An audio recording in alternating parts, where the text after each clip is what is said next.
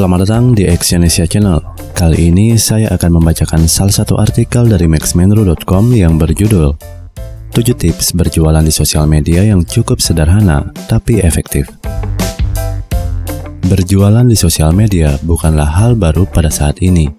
Rata-rata para pebisnis sudah memanfaatkan media sosial untuk kegiatan promosi, baik itu untuk keperluan branding atau untuk penjualan.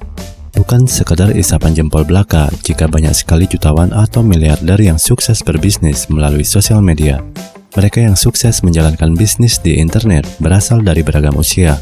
Bahkan banyak sekali kalangan muda yang sudah menjadi pengusaha sukses dengan berjualan di sosial media. Kira-kira apa saja yang bisa membuat seseorang sukses berjualan di sosial media? Berikut ini adalah beberapa tips yang dapat kamu coba. Yang pertama, menentukan target market potensial. Sebaiknya Anda berjualan di sosial media dengan membidik target market potensial dan sesuai dengan niche Anda agar lebih banyak pengguna sosial media tertarik dengan tawaran produk Anda. Biasanya cara termudah untuk berjualan pada target market potensial adalah dengan menunjukkan produk yang spesifik kepada kelompok tertentu. Misalnya kepada anak muda, perempuan, ataupun ibu-ibu. Buatlah grup di Facebook, WA, Twitter, Instagram, dan media sosial lainnya dengan mengangkat tema khusus. Misalnya grup baju impor murah, sepatu futsal, busana muslimah, dan lain sebagainya. Grup yang mengangkat topik khusus lebih mudah diterima oleh masyarakat bila sesuai dengan minat mereka.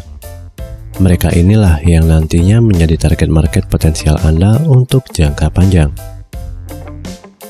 Yang kedua, membuat status menarik. Status yang menarik akan membuat orang melakukan like atau share status Anda sehingga lebih banyak yang mengenal Anda dan bisnis yang dijalankan. Salah satu cara menarik perhatian adalah dengan membuat status yang sedang hangat dibicarakan. Sampaikan dengan cara yang baik dan berisi. Namun, jangan pernah membuat status yang mengandung unsur sara, karena ini bisa menghancurkan bisnis Anda dengan cepat. Buatlah status yang bisa berpotensi viral, terutama yang ada kaitannya dengan produk Anda. Yang ketiga, menggunakan hashtag pada setiap postingan. Selalu gunakan hashtag pada postingan di media sosial, khususnya Twitter dan Instagram. Hal ini bertujuan untuk membuat banyak orang mudah melakukan pencarian produk di Instagram, Facebook, Twitter, dan lain sebagainya. Yang keempat, update foto profil secara berkala. Cara berjualan di sosial media berikutnya adalah dengan mengupdate foto profil secara rutin, di mana update tersebut nantinya akan terlihat di timeline teman-teman di sosmed. Bila pengguna media sosial melihat update dari akun Anda secara rutin, kemungkinan akan ada yang penasaran dan membuka akun sosial media Anda. Mereka yang melihat-lihat akun sosial media Anda bisa menjadi salah satu calon konsumen, apalagi ketika mereka tertarik dengan postingan Anda. Bila Anda aktif menggunakan Instagram dan Facebook untuk promosi, maka sangat disarankan untuk memposti tayangan live karena ini merupakan salah satu cara menarik perhatian orang lain. Yang kelima, merespon pelanggan secepat mungkin. Sangat disarankan untuk memberikan respon secepat mungkin kepada para pelanggan Anda untuk mencegah kemungkinan para pembeli membatalkan membeli produk Anda. Walaupun banyak calon konsumen yang hanya bertanya saja, Anda tetap harus memberikan respon. Faktanya, sebagian besar pembeli yang tidak sabar memilih untuk mencari online shop lain jika penjualnya tidak segera membalas pertanyaan. Pastikan Anda update media sosial Anda tanpa batas sehingga tidak kehilangan banyak pelanggan. Yang keenam, membangun komunikasi yang baik dengan para pelanggan. Anda bisa membangun komunikasi yang baik dengan para pelanggan melalui kontak WA ataupun DM Instagram. Berkomunikasilah dengan para konsumen secara berkala dan dengan cara yang baik.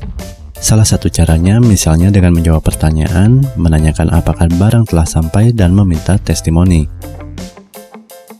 Yang ketujuh, jangan takut dengan persaingan. Banyak orang yang gulung tikar ketika berjualan online, bukan karena tidak laku, melainkan karena minder dengan para pesaingnya.